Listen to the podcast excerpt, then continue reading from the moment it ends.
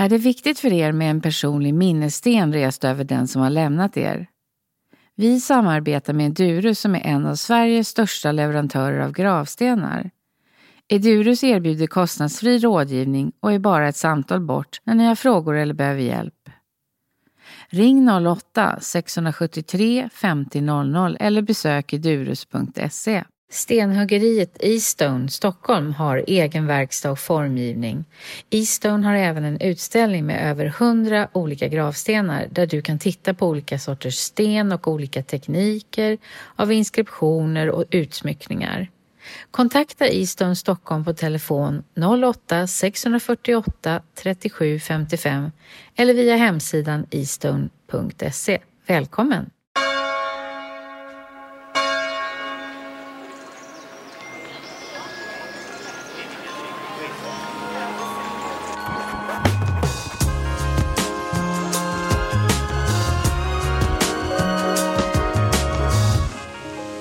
Välkommen till podden Min död, min begravning.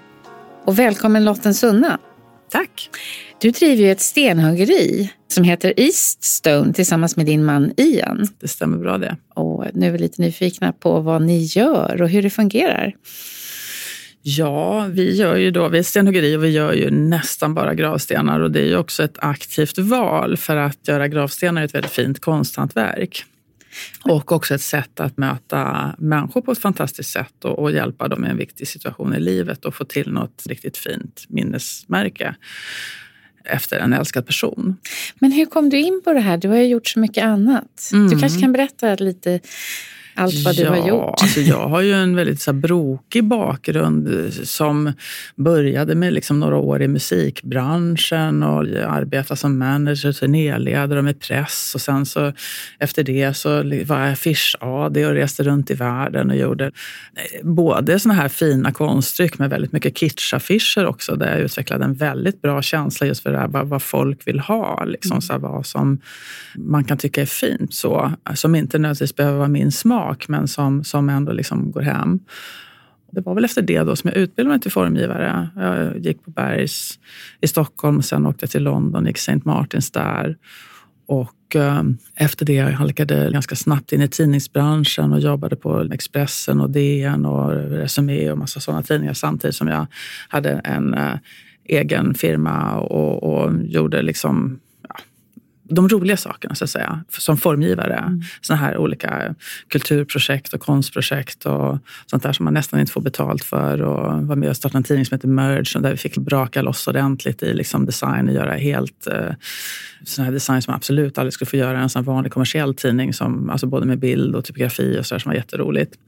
Sen på ett, på ett bananskal så, så flyttade jag upp till Dalarna. Jag fick små barn och, och liksom min man, då, han som är pappa till mina barn, hans mamma hade drivit ett behandlingshem och skulle gå i pension. Tog vi över det och flyttade upp dit och gjorde det i ett antal år och um, arbetade då med behandling av alkoholister och narkomaner och kriminella så här, som var ett väldigt spännande arbete och väldigt liksom, annorlunda från allt det jag hade gjort men ändå väldigt både jobbigt och väldigt givande för man möter människor i en liksom väldigt kraftig kris, pågående kris och liksom mm. försöka hjälpa folk att hitta ett spår eh, åt ett annat håll. Och sen så parallellt med det så var jag aktiv politiskt i Feministiskt initiativ som jag var med och grundade och trodde jag skulle komma in i riksdagen 2014. Det trodde nog många. och så blev det inte så. Då sålde vi det här behandlingshemmet, jag och han som var pappa till mina barn. För vi hade också skilt oss som vänner visserligen, men, men ändå tyckte att det var dags att gå vidare. Och så stod jag där och visste inte vad jag skulle göra. Och um, med min då, nuvarande man, vi började liksom se oss omkring vad, vad som skulle kunna vara något att pyssla med. Och så var det ett litet stenhuggeri som det inte gick så bra för till salu. Och um, jag har alltid varit liksom så lite avundsjuk på så Erik Gill som fick hugga i sten och mm. sådär. Och liksom också tycker att de här väldigt tidiga, så här, Trajan och sådär, som är riktiga stenhuggna liksom, fonter var så fina och sådär. Så att, utan att riktigt veta så här, vad jag gav mig in på, så ändå så, så tyckte vi att det var en intressant och spännande liksom, kombination av hantverk, företagande och också liksom det innebär, vi jobbar ju, vi köper en hel del sten i Sverige, vi har vår verkstad i Sverige, vi gör alla inskriptioner och arbeten här, men vi också importerar både allt från brons och guld till porslinsfoton och, och sten liksom från runt om i världen. Så att det är också mm, att jobba, resa och jobba med import och så här som var ett nytt tillägg som var spännande. Så att jag fick ju väldigt stor liksom, användning för min... Alltså både mina formgivningskunskaper plus att jag fick tillägget att lära mig materialet sten med allt det innebär. Och också det här att möta människor där det är känsligt och känslomässigt och kan vara jobbigt. Det är inte samma sak som att möta människor om man jobbar på en begravningsbyrå när folk är i den här akuta krisen när någon precis dog igår eller förrgår. Mm. Utan ofta har det gått lite tid, men det är ju ändå så känsligt för att det är en, en älskad person som, som det handlar om. Och, uh, så att jag fick ju också det här som jag på något sätt uh, arbetade med på behandlingshemmet, att möta människor i någonting viktigt och svårt har jag också kunnat ha glädje av i det här jobbet. Det måste ju handla mycket om att känna in om ni mm. jobbar så tajt tillsammans kan man väl säga mm. med den som har beställt. Mm. Det är ni som gör jobbet, men jag menar mm. mycket avstämningar och så. Kan jag tänka Absolut. Ja. Vi försöker vara mitt emellan. Om man tittar eh, också på hur vi jobbar så finns det ju liksom Dels det här lite mera alltså katalogköpandet. Men begravningsbyrå har någon stor entreprenör som någon annanstans och så liksom har de en katalog att du kan välja på de här 20 eller 30 mm. stenarna och så har du det här typsnittet och så har man liksom en ganska mallad som mm. kanske passar vissa. Jag säger inte att det är fel, utan det, men, men, det är inte det vi gör. Vi har en del sådana här favoritmodeller, man ska kalla det för, som vi säljer ganska mycket av, som folk gärna vill ha. Vi säljer naturligtvis dem också. Och sen så finns den andra delen som är lite så här långsam. Så här, de här gamla stenhuggarna som är ganska begränsade med uttryck också. Det tar lång tid. Som fortfarande är verksamma menar du? Ja. ja. Men, eh, och det är inget fel på dem heller. Det är inte där vi, utan vi försöker vara liksom både, både väldigt eh, hög nivå på liksom kundbemötande och att kunna göra personliga önskemål. Ja, allt från det enklaste, billigaste. För att det ibland är en budgetfråga också. Folk kommer ibland in till oss med en sten de har hittat i skogen mm. och vill att vi ska göra en inskription på det. Vi hjälper dem också. Jag gör en ritning och liksom vi pratar vad ska de ha för typografi och hur ska det se ut och så där. Och så gör vi det. Och så är ju det naturligtvis det billigaste. Kommer man in med en sten och vi bara ritar inskription och sen tar man med sig den själv och lägger den på graven. Så det är det billigaste man kan göra. Och vi säljer också en del så här ibland lite stenar som har blivit kanske lite skadade någonstans i någon liten flisa som har gått ur. Eller vi brukar ha lite såna stenar som vi säljer liksom riktigt billigt till de som inte har pengar. Mm. Till att vi gör jättedyra stenar till de som vill ha liksom special, special, allt extra. Det är för att vi vill möta alla i det de behöver. Mm. Utan att sälja. Det andra jag skulle säga också var ju det här att jag vet ju också att när någon dör så kommer det en flod min egen mamma dog för tre år sedan. En flod av liksom marknadsföring i brevlådan om allt möjligt från liksom, Pappa fick till mig så här eh, att han kanske ville gå in på en dejtingsajt. Så otroligt osmakligt. Men eh, jag ska inte säga då att, att de här kanske gravstensfirmorna som skickar ut kataloger, jag ska inte säga att de är osmakliga, men de är väldigt snabba på liksom, mm. att sälja kataloger. Och vi gör inte det. Vi gör inget, inte någon sån marknadsföring alls faktiskt. Nej. Utan vi har liksom lite Google Ads då, att om man googlar att de, eh, vi kan komma upp lite mm. högre upp i, i sån här annons, liksom att vi finns. Men det är den enda marknadsföring som vi betalar för. Sen är det ju liksom att vi arbetar på att göra bra arbeten. Fina, unika stenar och eh, bemöta våra kunder väldigt väl. Och det har ju lett också till att vi får väldigt många såna här eh, grupper som har speciella önskemål, som vill ha det på ett speciellt sätt och det kan handla om att man har liksom ett språk som kanske många av de andra stenhuggerierna inte kan hantera. Det kan, för att det är komplicerade alfabet som man måste liksom rigga sin dator på ett sätt för att det ska kunna hantera språket. Man måste hitta fonter som fungerar. Det är liksom lite meck med det där. Och med min bakgrund då mycket i media och formgivning så, så jag kan ju göra det där. Mm. Eller de har speciella önskemål hur det ska se ut eller sådär. Och, och det har gjort att vi har en väldigt spännande kundkrets.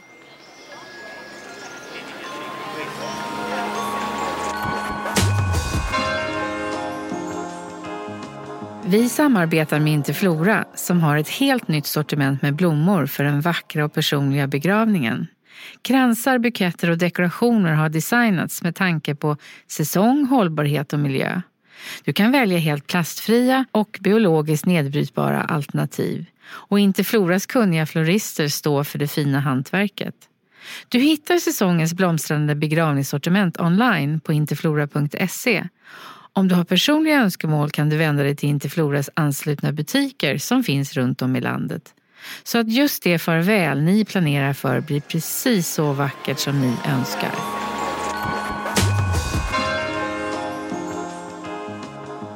Men hur skiljer sig smaken, eller estetiken ska jag kalla det, mycket. beroende på var man kommer från i världen? Absolut. Eller religion? Det är ju både eh, kultur kring hur man liksom betraktar så här, begravningsplatser och sådär till eh, alltså rena såna här språk och symboler och Mm. den typen av saker. Och det kan ju vara, alltså om man ska vara lite så här vi svenskar till exempel har ju en tradition av familjegravar, att vi lägger alla i samma grav. Mm. Ofta kremerade. Det kan vara fem eller tio i samma grav. och Det är inget ko- konstigt. Vi har ju ganska odramatiskt så. Och vi är ju naturälskare, vill gärna ha någon liksom stenbumling eller någon som har liksom lite skrovliga kanter eller ska inte vara polerat och blankt. Och man inte ska... för smyckat gissar jag. Nej, precis. Om du då pratar om till exempel muslimer, det, finns ju lite olika slags muslimer, men en sak som är alltid är att det är alltid kistbegravning, det är alltid bara en i varje grav. Man gör ju sina misstag i början för att man inte har lärt sig de här sakerna. Då, då har vi ett sån här, en fråga på, vi har ett så här formulär med saker vi Mm. frågar när folk beställer en sten för att vi ska göra rätt. Och då är en fråga så här, ska det finnas plats för flera namn? Och det handlar ju om liksom att är man då liksom av, av den här som liksom vill ha en familjegrav, att det kanske ska stå fyra eller fem namn på stenen när alla har dött. Ja. Så gör vi ju, liksom, tar ju vi hänsyn till det design att texten får liksom inte vara för stor och den ska vara placerad på stenen så får plats. Så att man inte sätter en stor blaffa mitt i så får det inte plats mer för då måste de ju köpa en ny sten. Mm. Och så ställde jag ju den frågan då till de som jag liksom visste var muslimer och de tittar bara på en och tror att man är galen. Vadå att fler i graven? Vad menar du? För det, det finns liksom inte. Och för en del liksom av dem också så är det ganska många så är det väldigt viktigt att man inte går på graven. För att det är Mm. liksom att skända graven. Och då vill de ju gärna sätta En en sån här gravram Ja. runt. Och så finns det ju massa designer på det där också naturligtvis. Och så finns det, krockar ju det med svensk kultur också då. För att då finns det ju massa kyrkogårdar där de har gjort muslimska kvarter men där man har bestämt att man inte får gravramar. Och det, ja, och det är slut på muslimska begravningsplatser i Stockholm. Och för att eh, man har inte planerat till det. tar ju tid att anlägga liksom, begravningsplatser och sådär. Så att det, det, det finns jättemycket och liksom en del vill ha en del vill liksom att det ska vara en fest och fint och vackert och det ska vara änglar och guld och wow, det ska vara Extra den allt. finaste, extra allt, snyggaste liksom gravstenen. Man kan lägga jättemycket pengar på det och andra vill liksom att det ska vara, det ska vara stramt och enkelt. Det ska, liksom, behöver inte vara billigt men det ska se vräkigt ut utan det ska vara liksom... Mm. Så att, och man lär sig ju lite grann så här vad folk kommer ifrån ungefär vad de vill ha. Du märker det direkt när ni pratas vid och du vet deras bakgrund. Alltså en av de sakerna som är spännande också är att annars i livet så möter man ju ofta en person i taget. Och då träffar man den personen lite som de vill presentera sig för Ja. världen. Så att säga. Vi träffar ju ofta familjer. De kommer in hela familjer och då blir det hela det här familjespelet som är också väldigt spännande att se. Och ibland så bråkar de och ibland så är det de tar hand om varandra jättemycket. Ibland man bestämmer, märker vem, vem det är som bestämmer. Eller liksom, det så här, men ofta då när familjer kommer in så har vi ju lärt oss tillräckligt mycket så att man ofta kan så här på någon minut bara säga att det här är nog kanske syrisk-ortodoxa kunder eller det här är från judiska församlingen eller det här är nog för hur man för sig och klär och pratar och börjar fråga om saker så går det ganska fort att känna in.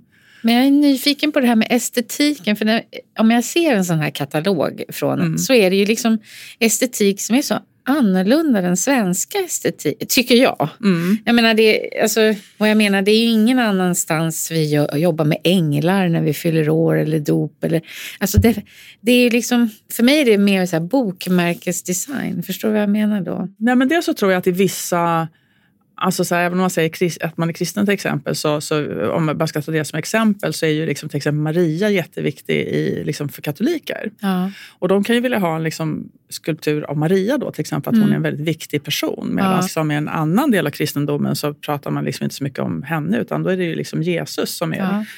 Den, den centralaste personen och sådär. Så att dels kan det finnas sådana och änglar till exempel kommer ganska ofta till exempel med muslimer. Nu, nu ska inte jag säga att jag kan hela Koranen men uppenbarligen så är det liksom någonting som finns. Mm. Den, den idén om en ängel som var, då, då är det ofta en ängel som vakar över ja.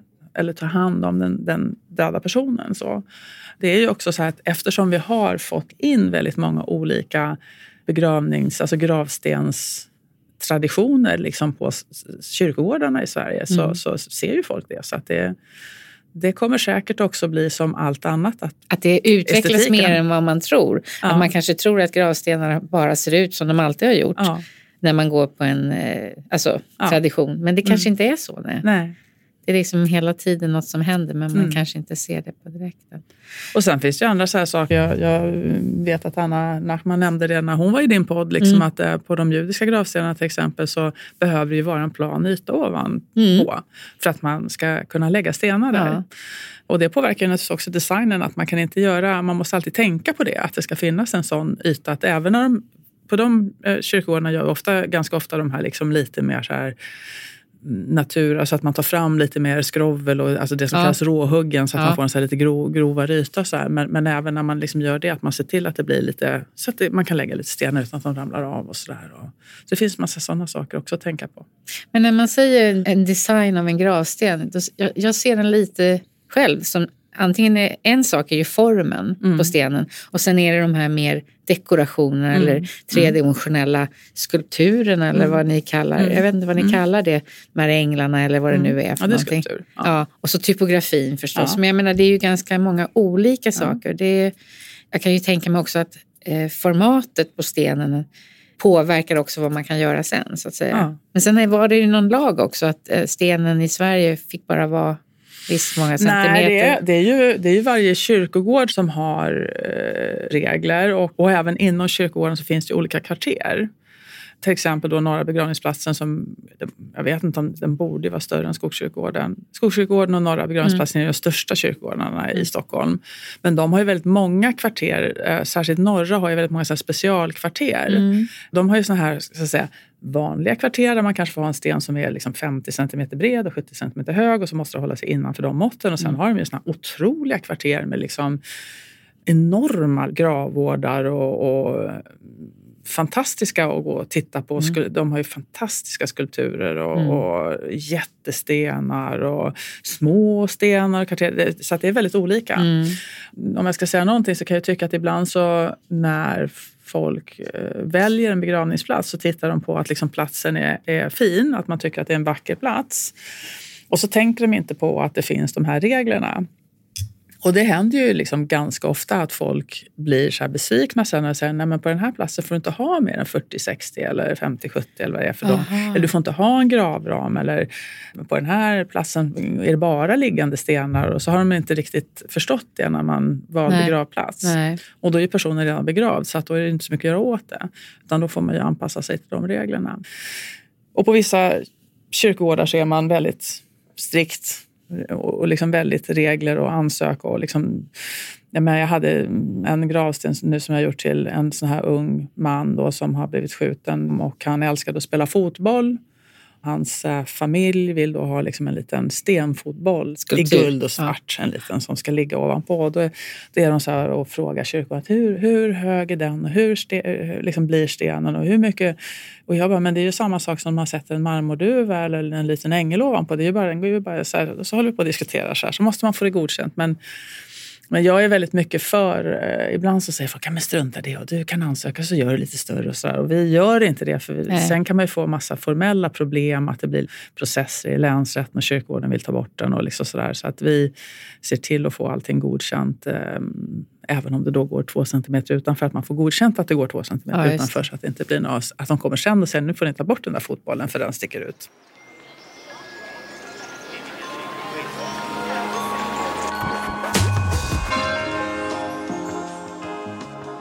Så för någon som ska beställa en gravsten, vad skulle du säga är det viktiga grejer att tänka på? Alltså det är så mycket val man ska göra när någon just har dött. Så det där är ju svårt. Men jag, så att jag tycker egentligen kanske inte att det ligger på den som... Jag tycker egentligen att kyrkogårdarna kunde vara bättre på liksom att informera att om, om, om du begraver här... För att, jag menar, de, en av de största såna här, där, där folk blir ledsna vi får, det är att det finns en muslimsk begravningsplats ute i Tyresö. Och det är en av de få där det fortfarande finns platser i Stockholm för mm. muslimska begravningar. För att har, de, man har liksom inte hängt med och, kunnat, och liksom inte anlagt... Det, vi har ju en stor muslimsk befolkning, ja. men man har, det tar ju tid att anlägga en kyrkogård och de ligger efter. Och de ligger ju ensamma också. Det måste ju påverka. Och det, och det, det tar ju liksom en mm. del plats. Och de, har, de är på väg och håller på att ska bygga en stor eh, kyrkogård på Järvafältet, men den dröjer fortfarande några år. Men där då får man inte ha såna här gravramar, vilket för många muslimer är väldigt viktigt, för man vill absolut inte att man ska gå på graven. Mm. Många blir liksom väldigt stressade liksom då när den bara ska ligga alltså, mm. utan någon avgränsning. Ja. Och det tänker jag så att kyrkogården vet ju att de här kommer antagligen vilja ha en gravram. Mm. Sen har det väl säkert stått på något papper, men när man är i den här situationen så är mm. man ju kanske inte att man läser varenda Nej. ord på ett papper. Så att, um, men vi försöker ju hjälpa liksom så gott vi kan. Men just sådana saker kan vi ju inte rå på. Vill de komma och titta på ja. andra, att man tittar på andra gravstenar för att sätta igång tankarna, hur man vill ha det och så kan jag tänka mig är en viktig sak. Ja, Eller alltså, har de en idé Nej, många kommer in och har ingen aning alls.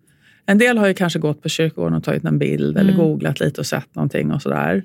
Och så kan man ju då igen kanske då anpassa till vad man får ha just på den platsen som de har valt. För det kanske inte passar riktigt. De kommer och vill ha en sten som är en meter bred och 50 centimeter hög men de får bara ha en som är 50. Alltså, ja. så, här, så, får man försöka liksom rita om det så att de får samma känsla men att det blir mm. inom det som tillåts. Men men vi har ju en stor utställning där med, med liksom både kanske hundra olika stenar i olika modeller och färger och liksom bearbetningar och sådär i vår utställning. Och sen har vi liksom stenprover och massa foton på grejer så här som jag, ja, du ser lite så här. Ja. Jag har, har ju en hög med arbete här som jag håller på med och vi har lagt fram några ritningar här för hur jag liksom försöker visualisera då tillsammans med kunderna vad, vad hur det kommer bli. Mm. Och eh, då brukar man ju kunna arbeta sig fram till någonting. För då hör man så här, jag tycker det här det är för polerat, det ser för liksom så här, ska vara lite sten, aha. Vad tycker du om för färger? Då? Tycker, vill du ha en ljus sten? Vill du ha liksom svart sten? Eller vill du ha det med färg? Och så, så liksom brukar man kunna mm. jobba sig fram till någonting och att det är också en fin process. Liksom många vi får ju väldigt mycket sådana här fina meddelanden efteråt, att de är så glada, det blev så fint och det passar så bra. Och, liksom sådär. och det är ju väldigt roligt när man kan hjälpa folk i en sorgeprocess att göra någonting fint som de känner sig glada över. Men också, det måste ju vara väldigt viktigt att man går igenom det innan, för det går ju inte att ändra sen. Nej, precis. Så en del kanske inte blir glada också, för de kunde inte se visualiseringen. Ja, det, Inte så ofta? Nej, men... Nej, För men det är alltid folk... svårt att liksom se. Alltså, du, ni har ju, gör ju skisser och så, men... Ja. men uh... Nej, jag tror, jag tror inte jag har varit med om att folk har sagt så här att nej, va, det blev inte som jag hade tänkt nej, mig. Okay. Och liksom när jag känner att det är tvekan eller konflikt, mm.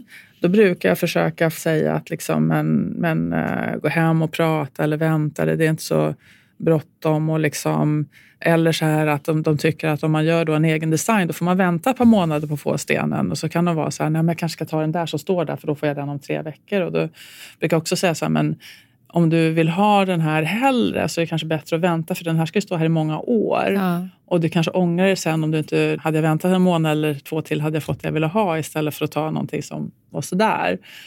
Ibland behöver man processa lite. Ja. Och jag gör ju ofta inte bara en skiss till de här som är lite, vad ska jag säga, veliga eller ambivalenta. Ah, utan okay. liksom man kan göra flera olika skisser mm. så att de får liksom diskutera och mm. känna på. Sådär. De gånger som det, det är antingen att det har blivit fel. Någon felstavning eller fel datum ah. och sådär. Och det kan uppstå både i liksom att eh, den mänskliga liksom faktorn i överföringen från beställningen till skissen, det vill mm. säga mm Ibland så, alltså, är det jag som har gjort fel. Mm. Alltså att jag har gjort något litet typografifel.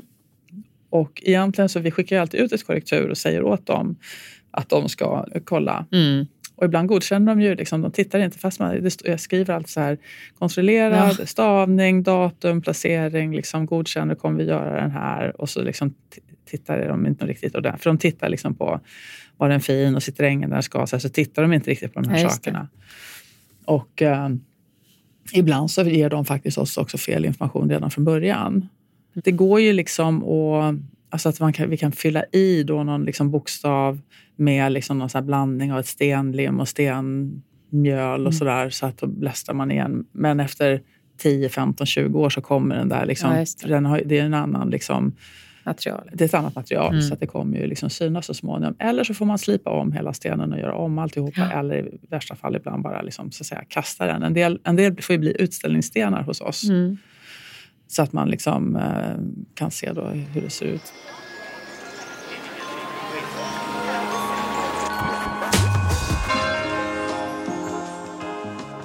Men du jobbar ju också med olika alfabet som du sa och språk. Ja. Underbart, jag älskar ja. alla de här språken. Ja, men hur, hur, vet du då att det blir rätt? Det beror på vad det är för språk. Mm. Men ofta så säger jag, liksom, just när det är... Vi gör ju liksom allt möjligt. Det är liksom mongoliska, det är tigrinja, det är liksom kyrilliska, det är persiska, arabiska. Vi gör mycket på arabiska, så jag har lärt mig liksom arabiska alfabetet för att jag ska i alla fall se liksom om en bokstav eh, liksom blir fel eller liksom mm att jag kan skriva in ett namn på arabiska liksom, eller en text. Jag känner ju igen de här liksom, standardtexterna som ofta är. Liksom. Mm. De har ju vissa standardtexter som vi skriver Vila i frid, så har ju de Inalil och Bismillah så här, som bör vara med liksom, på en gravsten eller ofta är med på en gravsten. Så där. Men jag säger ju åt också kunderna, fast ofta så är det ju så här också att de som beställer en gravsten är ju ofta en yngre generation, kanske liksom an, första, andra, tredje generationen mm. från de som kom till Sverige. Och det är ju ganska ofta att de inte kan heller. Nej. Utan eh, ibland får man ju ta in då en äldre generation ja. som får liksom läsa och kolla att det eh, har blivit rätt. Ja. Men det är fantastiskt att du har lärt dig språket. Du har liksom gjort det över tid då så att säga? Eller har du gått nej, någon började, utbildning? Nej, jag började för ett år sedan och jag har liksom en kombination av Duolingo och Youtube-videor. Eftersom jag är typografi-geek. Arabiska och persiska det är så vackert. Ja. Det är så liksom vacker form. Det har ett helt annat flow än våra romerska bokstäver. Jag tänker på din bakgrund här med formgivning och, och många andra saker. Att det har verkligen kommit ihop till någonting mm. väldigt bra här. Mm. Där du får verkligen nyttja din erfarenhet. Ja. Jag håller på, Anna Nachman håller också på att lära mig hebreiska. Okej. Okay. ja, ja, vi gör ju mycket på hebreiska också. Ja. Så att eh, jag kan ju hantera texten och jag kan se den. För att, och det är väl kanske en sån här formgivningsgrej för jag vet att kanske om man inte har den bakgrunden utan bara liksom skriver in det i dator mm. liksom, och man får det mejla till sig. Så man måste också vända liksom, bokstäverna så att de blir rätt. Och ibland liksom, gör man inte rätt så kommer det liksom bak och fram. Eller och hur liksom ska man veta var man ska bryta en rad och sånt också? Ett ja, namn? Ja, jo, nej, men precis. Nej, men jag tittar ju ofta, jag, jag, för liksom kommer det mejlet så ser jag, alltså, jag tror att det är en formgivargrej. Att man ja. tittar ju på liksom, ja men den här är ju felvänd ja, eller så här. Liksom, så. Men, men jag tycker att som arabiska, det, det har varit en stor vinst att liksom kunna liksom se bokstäverna, inte bara formen. Nej. Så att nu håller jag på med som sagt hebreiska och lär mig en del av och ska lära mig också alfabetet i alla fall. Ja. Men eh, har du en annan eh, tanke kring det här med gravstenen innan ni eh, startade det här företagandet med stenhuggeri? Jag tänkte, alltså, har begravningsstenen varit viktig för dig innan? Tänkte du på den kring en. Jag, jag har ju alltid tyckt att kyrkogårdar är liksom, uh, spännande platser liksom, ja. med uttrycket som finns ja. på kyrkogårdar. Och, jag gör ju naturligtvis ännu mer nu, men även liksom förut kunde liksom besöka kyrkogårdar. När jag gick på St. Martins till exempel mm. så var det Highbury som är den här... Highgate. Ja, precis. High, Highgate. Förlåt, Highgate, precis. Som är en sån fantastiskt ja. stor, gammal... Och, och, och där, den är ju så speciell också för att i, till skillnad från i Sverige, här rättar man ju till hela tiden alla gravar så att de är liksom... Och börjar stenarna luta så rätar man upp dem och ja. blir det liksom ett hål i marken så täcker man igen det. Och så här, det gör man ju inte där på Highgate. Mm. Utan liksom, de får ju stå på sniskan och det växer liksom träd i huvudet på änglarna och liksom ja. det är hål i marken. och så här, och, det är eh, vildvuxet. Ja, men det finns ju ändå ett liksom fantastiskt uttryck i ja. det. Så jag har nog alltid liksom tyckt att det är väldigt intressant hur man gestaltar liksom en minnesplats efter ja, liksom en eld. Och, och sorg, ja. så hur den får ta sig liksom uttryck. Mm. För sorg är ju liksom väldigt full av kärlek. Mm. Utan kärlek så finns det liksom ingen sorg. Om man inte älskat någon så kommer man inte sörja dem. Så det finns ju i de här uttrycken också. Men har du tänkt på din egen begravning? Ja, alltså jag har gjort det i den bemärkelsen att när min mamma dog så, mm. så valde vi en, pla- en väldigt vacker plats eh, där jag också tänker att jag ska ligga. Mm när, när jag dör. Så det var självklart det, att det ska vara en, begra alltså en begravningsplats och inte en minneslund till exempel? Ja, alltså vi vill ju, ha, vi vill ju alla ha en plats. Mm. Eftersom den ändå finns så vill ju jag också mm. vara där. Mm. Så att då blev det ju så att samtidigt som jag gjorde min mammas grav sten eller gravplats för att det är en plats liksom vi har anlagt med det är lite fågelbad och någon bänk att sitta på. Lite, vi tog stenar från Öland, från kalksten, mm. från byns kalkstensbrott där. Och för att lägga liksom lite gång och sådär eh, så är det ju min egen också. Mm. Och jag är väldigt nöjd med att jag kommer vidare där. Jag tycker det är en jättefin plats. Men är det något du pratar med din familj om hur du vill ha din begravning? Eller? Jag tänker, ni inte... jobbar ju med, med så närbesläktat. Ja, fast vi jobbar ju inte med begravning utan Nej. vi jobbar med gravsten. Alltså gravstenen ja. vet de ju. Och, mm. och, jag har ju också lämnat efter mig dokumenten som vet vad det är för typsnitt och sådär. Ja, just det. så att det blir enkelt att lämna till någon annan då. Om inte, ja, jag ja. vet ju inte vem som är kvar men så att den som ska sätta dit mitt namn en vacker dag vet ja. hur de ska göra. För att det är också som typografinörd att liksom i början då, när man, vi gör ju också såna här textkompletter. Jag måste, det är sidospår. Nu frågar du om min egen begravning. Jag måste ändå säga det här för att jag tycker att det är väldigt ro, en, väldigt rolig del av mitt jobb också. Det är väldigt så här nördigt. Men det är ju att vi gör ju såna, det som kallas för textkompletteringar. Det, vill säga, det finns redan en gravsten en person till har dött och man ska sätta dit deras namn. En gravsten som ni inte har jobbat precis, med förut? Så, ja. ja, mm. precis. Mm. Och vi gör ju ibland naturligtvis de som, som vi har gjort, men vi gör ju också väldigt många andra. Ja. Och då finns det några typsnitt som man vet att vissa stenhuggerier använder vissa. Man ser liksom Times kommer ibland, Futura kommer mm. ibland. Såna här som har latin och använder en del. Så mm. och, de, och de är ju liksom ganska ja. enkla att identifiera. Eh, skriva.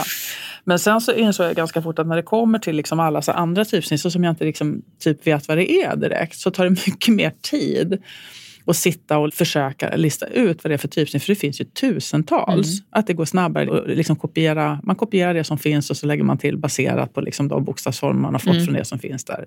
Liksom ritar upp. Mm. Så ritar jag upp.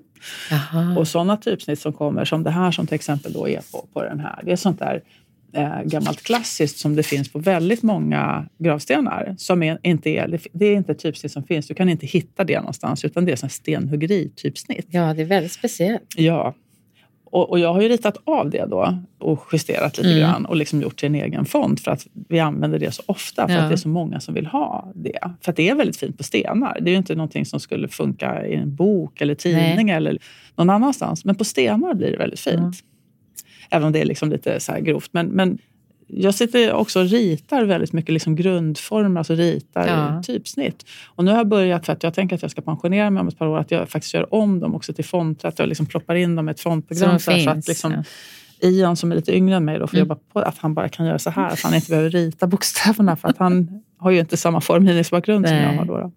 Men andra företag som håller på med gravstenar, är det ofta någon som har eh, typografisk utbildning eller är designers eller är man mer en beställare? Nej, alltså, det, det, finns ju några som håller på med det här med textkomplettering men inte jättemånga. Och, uh, de flesta är ju också väldigt old school. Att de har liksom andra gammaldags tekniker. Att de sitter liksom och ritar. Alltså, Eh, gnuggar av liksom bokstäverna och ritar konturer på papper. Och, så här, och jag tar ju in den i datorn och ja, ritar, jag ritar ju digitalt. Ja. Och med bonusen att jag sen har kvar bokstäverna också. Ja, när jag har gjort det några gånger så har ju jag tillräckligt mycket, när typsnitt har, har dykt upp några gånger, mm. så har jag tillräckligt mycket att jag inte behöver rita om bokstäver. Ibland justerar jag dem för att jag tycker att, ja, att det blir inte så snyggt och att jag justerar så att det blir mm. lite bättre. Men annars är de nog väldigt, eh, de som jag känner till som håller på med sånt här, mm. de, de rita för hand. Ja. De gnuggar av liksom bokstäver och så ritar de Då måste ju de typsnitten vara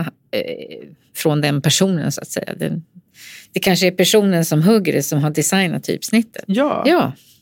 Om du går tillbaka bara kanske till 50-60-talet så fanns det ju några som hade liksom maskiner så att de kunde göra så att säga, de hade fonter. Men, men du, du, ser ju från 50-60-talet så ser du ju mycket handhuggna fonter. Ja, det var jag menar, handhuggna. Där, där de är liksom personliga. Ja, Ja. där liksom varje T är Ja. olika. Alltså Ja. Ett T är inte ett annat lik, ett A är inte ett annat lik för de har huggit dem för hand. Alltså de är ju lika varandra men de är inte identiska. Nej, nej. Utan man ser att det här är handhugget. Har du någon uppfattning om eh, det här med gravsten, hur mång, att det är många som fortfarande vill ha det eller om trenden är att man liksom inte behöver en plats eller man vill vara i minneslund? Det, Ja, det Och varför man vill ha en sten? Nej, men alltså, jag skulle ju säga, och nu baserar jag det här naturligtvis empiriskt på våra erfarenheter. Ja. Men, men liksom, om man säger då det här traditionellt etniskt svenska, eller hur man ska uttrycka det för, Svensson och Andersson och så, är det ju ganska få som vill ha liksom en, en gravplats med en gravsten. Det är mycket... Det är färre nu alltså? Ja, mycket, mycket färre. Mm. Utan det är mycket både så här minneslundar och ask, här Ask. askgravlundar. Där man liksom får en liten plakett där man sätter sitt namn, men det är inte en grav. Så, här. Men, så att vi, gör, vi gör ju lite grann eh, till, till sådana nya stenar. Men oftast när det är de så är det liksom just textkompletterande. Det finns redan en sten som har stått där sedan 50, 60, 70-talet som man fortsätter och fyller på. Men, men inte så jättemånga helt nya stenar. Nej. Jag har aldrig hört talas om att någon av de här större invandrargrupperna vi har i Sverige har minneslundar eller Nej. liksom askgravar, utan de har ju en gravplats. Mm. Och sen så en del har de här individuella och en del har också liksom familjegravar, att man ligger flera Mm. i samma gravplats. Men de har gravplats och de gör en sten. Men det, jag tycker det är intressant att det kanske blir rätt nu att man har det om man verkligen vill ha det. Mm. Inte för att det är tradition och att man kan välja någonting annat. Eh, Absolut. Men jag kan också tänka att eh, beställa en gravsten är en stor grej.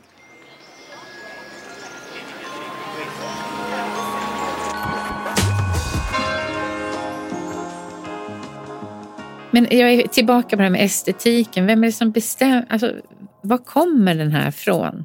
De här änglarna och alla de här sakerna. Jag menar, jag tänker det är ju som gamla målningar liksom och bibliska saker. Mm. Men du förstår vad jag menar, stilen. Om, även, vi tittar ju på begravningsannonser. Jag kommer ihåg att du gjorde ju det, skrev en artikel om det. Mm.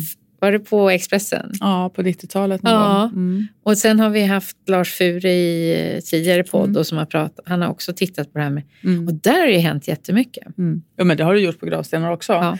Och särskilt då på de... eh, jag tycker det är så svårt att liksom, ska man säga etnisk svenska, jag vet inte vad man ska säga. Men, men där är det ju liksom... Korset är ju i stort sett helt borta som en symbol. just det. Uh, mer än det här att man har liksom stjärna, kors, alltså stjärnan Ja. är född och kors vid liksom dödsdatum. Det är ytterst sällan, jag ska inte säga aldrig, men det är väldigt sällan vi liksom gör ett kors på en eh, gravsten. Då, Mm. Utan då är, det- det kan vara precis vad som helst. Jag har en jättestor, liksom, vi har ju kanske, jag vet inte vad det är som vi har som standard när man bokar på en hemsida, kanske ligger jag vet inte, 100-150 dekorer där, lite här blommor och fåglar och solar och kors Mm. och sådär. Mm.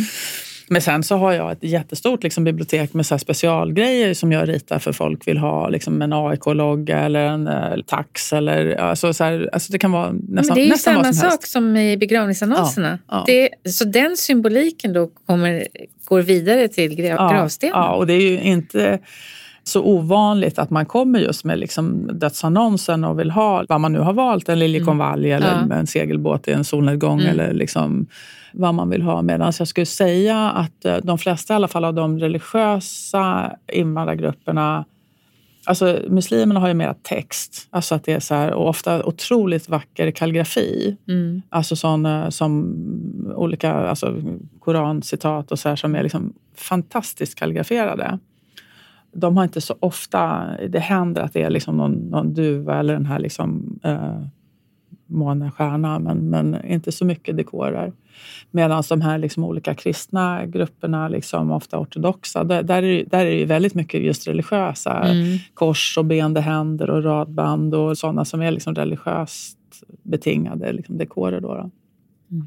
Men det där är också så här, tycker jag då som formgivare väldigt roligt att jag gör, för att jag kan det så kan jag hela tiden hjälpa dem att ta fram liksom en massa dekorer som kanske är svårare då från andra. Här var det någon som ville ha sin, som blivit av med en ung son, ska Ja. ska vara kung. Ja. Det står så här, lev ung, var tung, dö kung. Ska det stå på den gravstenen. Ja, och då får de det. de Ja, en men det ska väl vara så att man ska få det man vill. Ja, Finns det någon design som du har velat liksom utveckla eller liksom lägga till som inte finns i det här mer traditionella?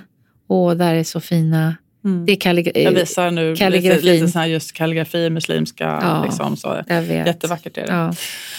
Men har, har du tillfört någonting med en annan estetik?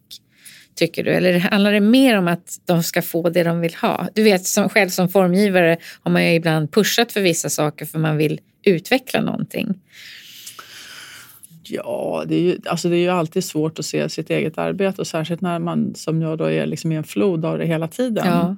Om, om man tar de här skulpturerna till exempel, som, de görs ju inte i Sverige för att det finns inte det hantverket här. Utan de kommer från Kina där det finns, det finns en stad som heter Zhongwu uh, som bor två miljoner människor, nästan alla arbetar i stenindustrin där. Ja. Och det, man har gjort det i flera tusen år där.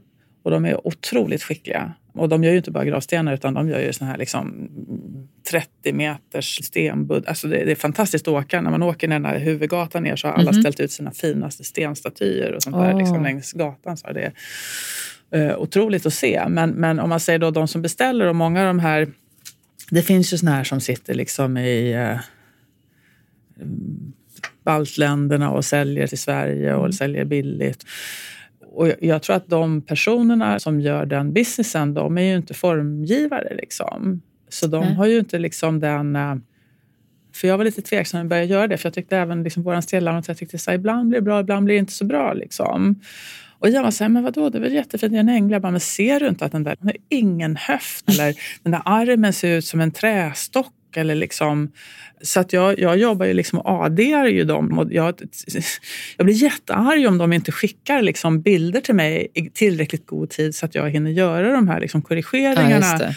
Sen är ju de som, som gör det jätteduktiga, att om jag förklarar för dem, vad- de bara, vadå trästock? Jag bara, "Men Du måste ju se liksom muskel, det är ju smalare liksom i vristen än vad det är liksom uppe mot armbågen och sådär. Då blir det ju väldigt fint. Så att, och, och sen också liksom många av de som säljer skulpturer in till Sverige till exempel, de har ju en liksom standardängel och den kanske är fin, men det är samma ängel på alla stenar. Ja, Medan jag ritar ju upp Egna olika änglar. Liksom änglar och Jesus och Maria varierar hela tiden så att man får dem en... Så jag skulle säga att vi har liksom väldigt hög kvalitet och också liksom att man kan få unika stenar. Sen är det ju som att när man gör någonting som är fint så ser ju andra det. Och det säger jag också till andra att du ska ju veta nu att när vi gör någonting fint så kommer andra vilja kopiera det här. Och jag Ah. ser ju liksom kopior på stenar jag har ritat, men ofta mycket sämre då om jag får säga det. Vi gjorde en fantastisk, som jag tycker var jättefin. Det var, det var kundens id- idé. Eller liksom han kom med en idé som vi utvecklade tillsammans. Och det var, han skulle ha en ganska stor sten till sin pappa.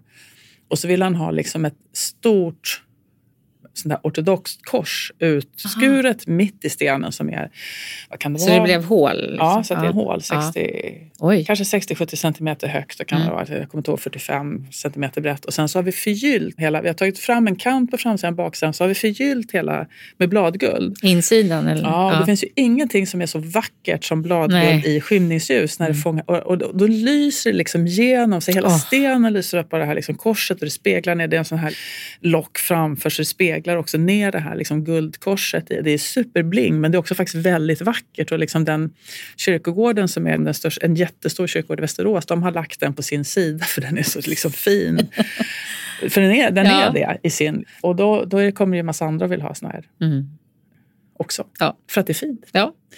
Men det är också ett smicker och liksom, jag, jag har också gjort någon sån här design där jag har liksom kombinerat ihop liksom skulptur och någon lykta i och liksom någon ängel och sådär som, som har blivit som jag ser både kopierad runt om i Sverige men även sett liksom flera kinesiska företag kopiera den designen och sälja som i, i bättre och sämre liksom utförande. Men det är ju klart att det är någon slags eh, smicker. Ja, och att lite liksom, kvitto på att det. Att eh, liksom det, det, det blir kopierat. Mm. Vad säger folk när du berättar att du jobbar med det här? Folk blandar väldigt ofta ihop det och tror att jag jobbar som begravningsentreprenör. Ja, ja. ja. De hör bara begravning och sen lyssnar de inte längre. gravsten och så tror de så här, "Ja, det måste vara jättejobbigt att liksom möta alla de här människorna som just har förlorat någon och liksom hantera döda människor. Så jag, jag, håller inte alls på med det. Nej. Utan vi håller på med, med ett konsthantverk och stenar. Och också liksom, det är klart att folk fortfarande är i sorg, men det är inte den här akuta sorgen. Nej. Men då, annars så tycker de så här, gud vilket eh, ovanligt annorlunda jobb och vad roligt det måste vara. Mm. Jag undrar om många tänker på att de vill ha en sten och sen så, eller äh, inte är säkra direkt var de ska ha en sten eller hur de ska göra. Men när måste man bestämma sig för det? Då? Det, det gör man ju redan vid begravningen. Om man liksom i alla fall har en gravplats. Ja, alltså man, precis. Ja. Eh, om man ska ha minneslund eller askgravlund, ja. ja absolut. Ja. Det, valet kommer ju tidigt. Sen ja. är det ju mer hur stenen ska se ut ja. som kommer. Och där är ju lite olika. För att har du en urngrav så kan du i princip sätta dit en gravsten på en gång. För att marken är så... Det, ingreppet i marken för att sätta ner en urna är så litet mm. så att det kan du sätta i stort sett i samband med att du gör begravningen. Medan om du är en kistbegravning så måste man vänta. För att det är så stort ingrepp i marken och, och den måste bli stabil igen innan mm. man kan mm. sätta dit en gravsten.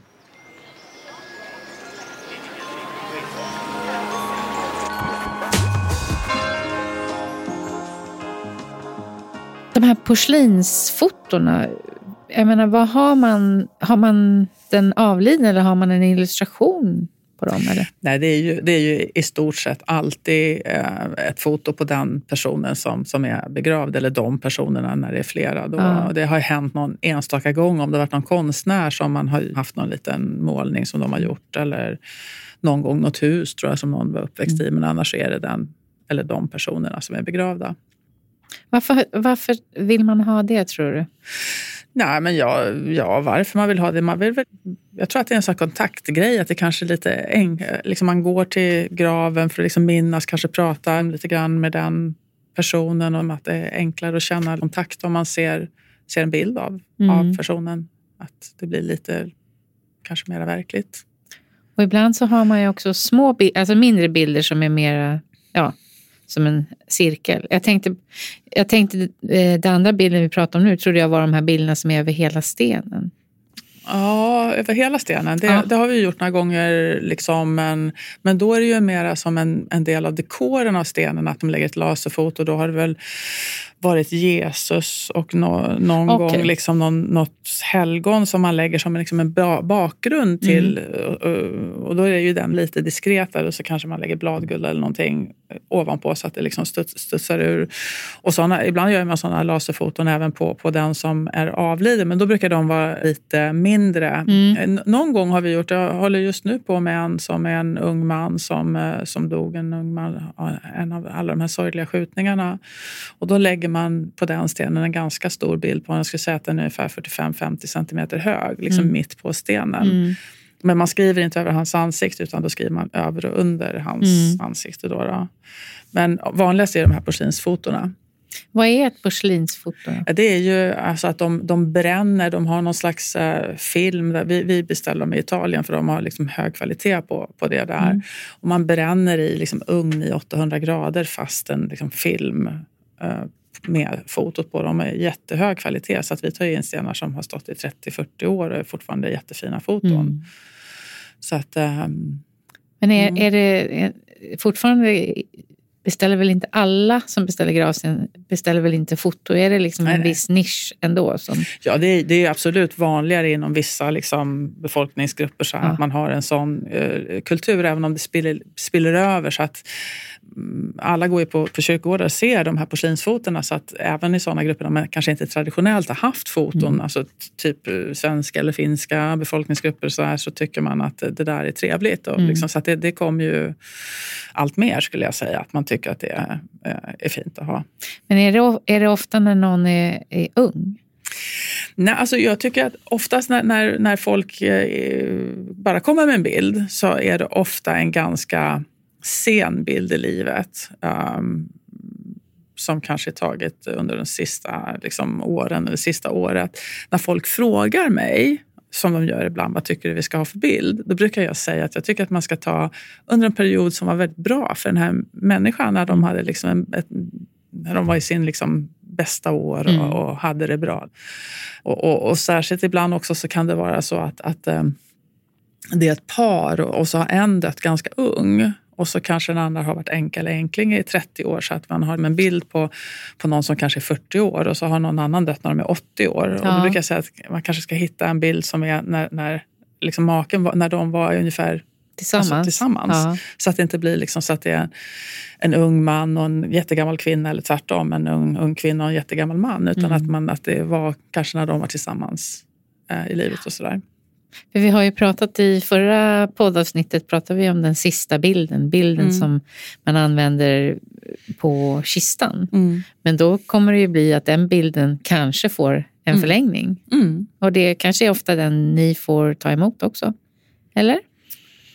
Eh, ibland. Fast de kanske inte har, Mm, Ja. alltid har ett foto på begravningen heller. Som har ett Nej. foto på Ja, gravstenen. det har hänt någon gång att de säger den här hade vi på begravningen, men inte jätteofta. Nej. Utan de brukar liksom leta i, i arkivet. Mm. Och ofta så vi, jag får ju jobba ganska mycket. Det är en av mina specialiteter också då med min bakgrund. Det jag har lärt mig mina tidigare jobb. Att, att eh, jag retuscherar ju för ofta ser det så här att det var någon fest, något bröllop och Ja, man just står i ett helt gäng och så ser man glad ut men det är liksom någon, någon som håller en om axlarna eller något halvt ansikte bredvid och sådär. Och så retuscherar jag bort och lägger in någon Mm. himmel. Jag brukar skärpa upp bilderna för ofta ser det ju då liksom ett foto där som kanske är lite halvsuddigt och sådär. Jag har hittat en jätte, jättebra app som, som skärper upp bilder fantastiskt bra. Okej.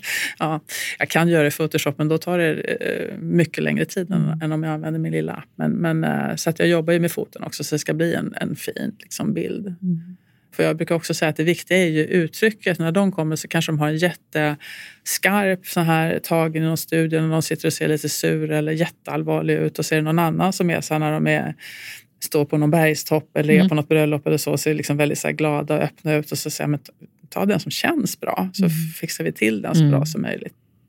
Hur känns det för dig när du jobbar med en gravsten för en ung person som har dött?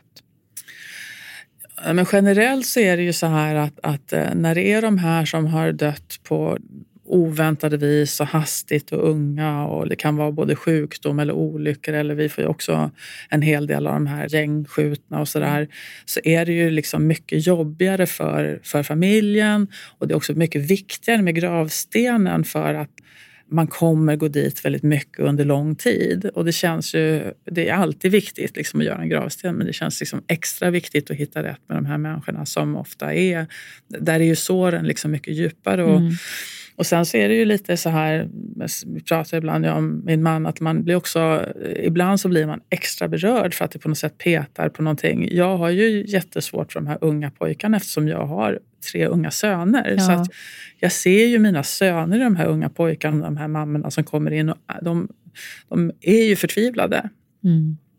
Och, och det är klart att det känns. Och så liksom samtidigt så måste jag hitta balansen mellan att vara empatisk och att liksom inte så att säga, lägga eh, min... Nej. Eh, alltså jag kan ju inte börja gråta. Eh, alltså, ja, det kanske jag kan, men jag kan ju bli berörd. Det Ja. tror jag de bara tycker är fint. Men Mm. jag kan ju inte bli jobbig för dem. Så att säga. Nej, du måste ju vara Utan jag måste vara- professionell. Jag måste vara professionell och respektfull och Ja. stödja dem i deras sorg, för det är ju deras Mm. sorg.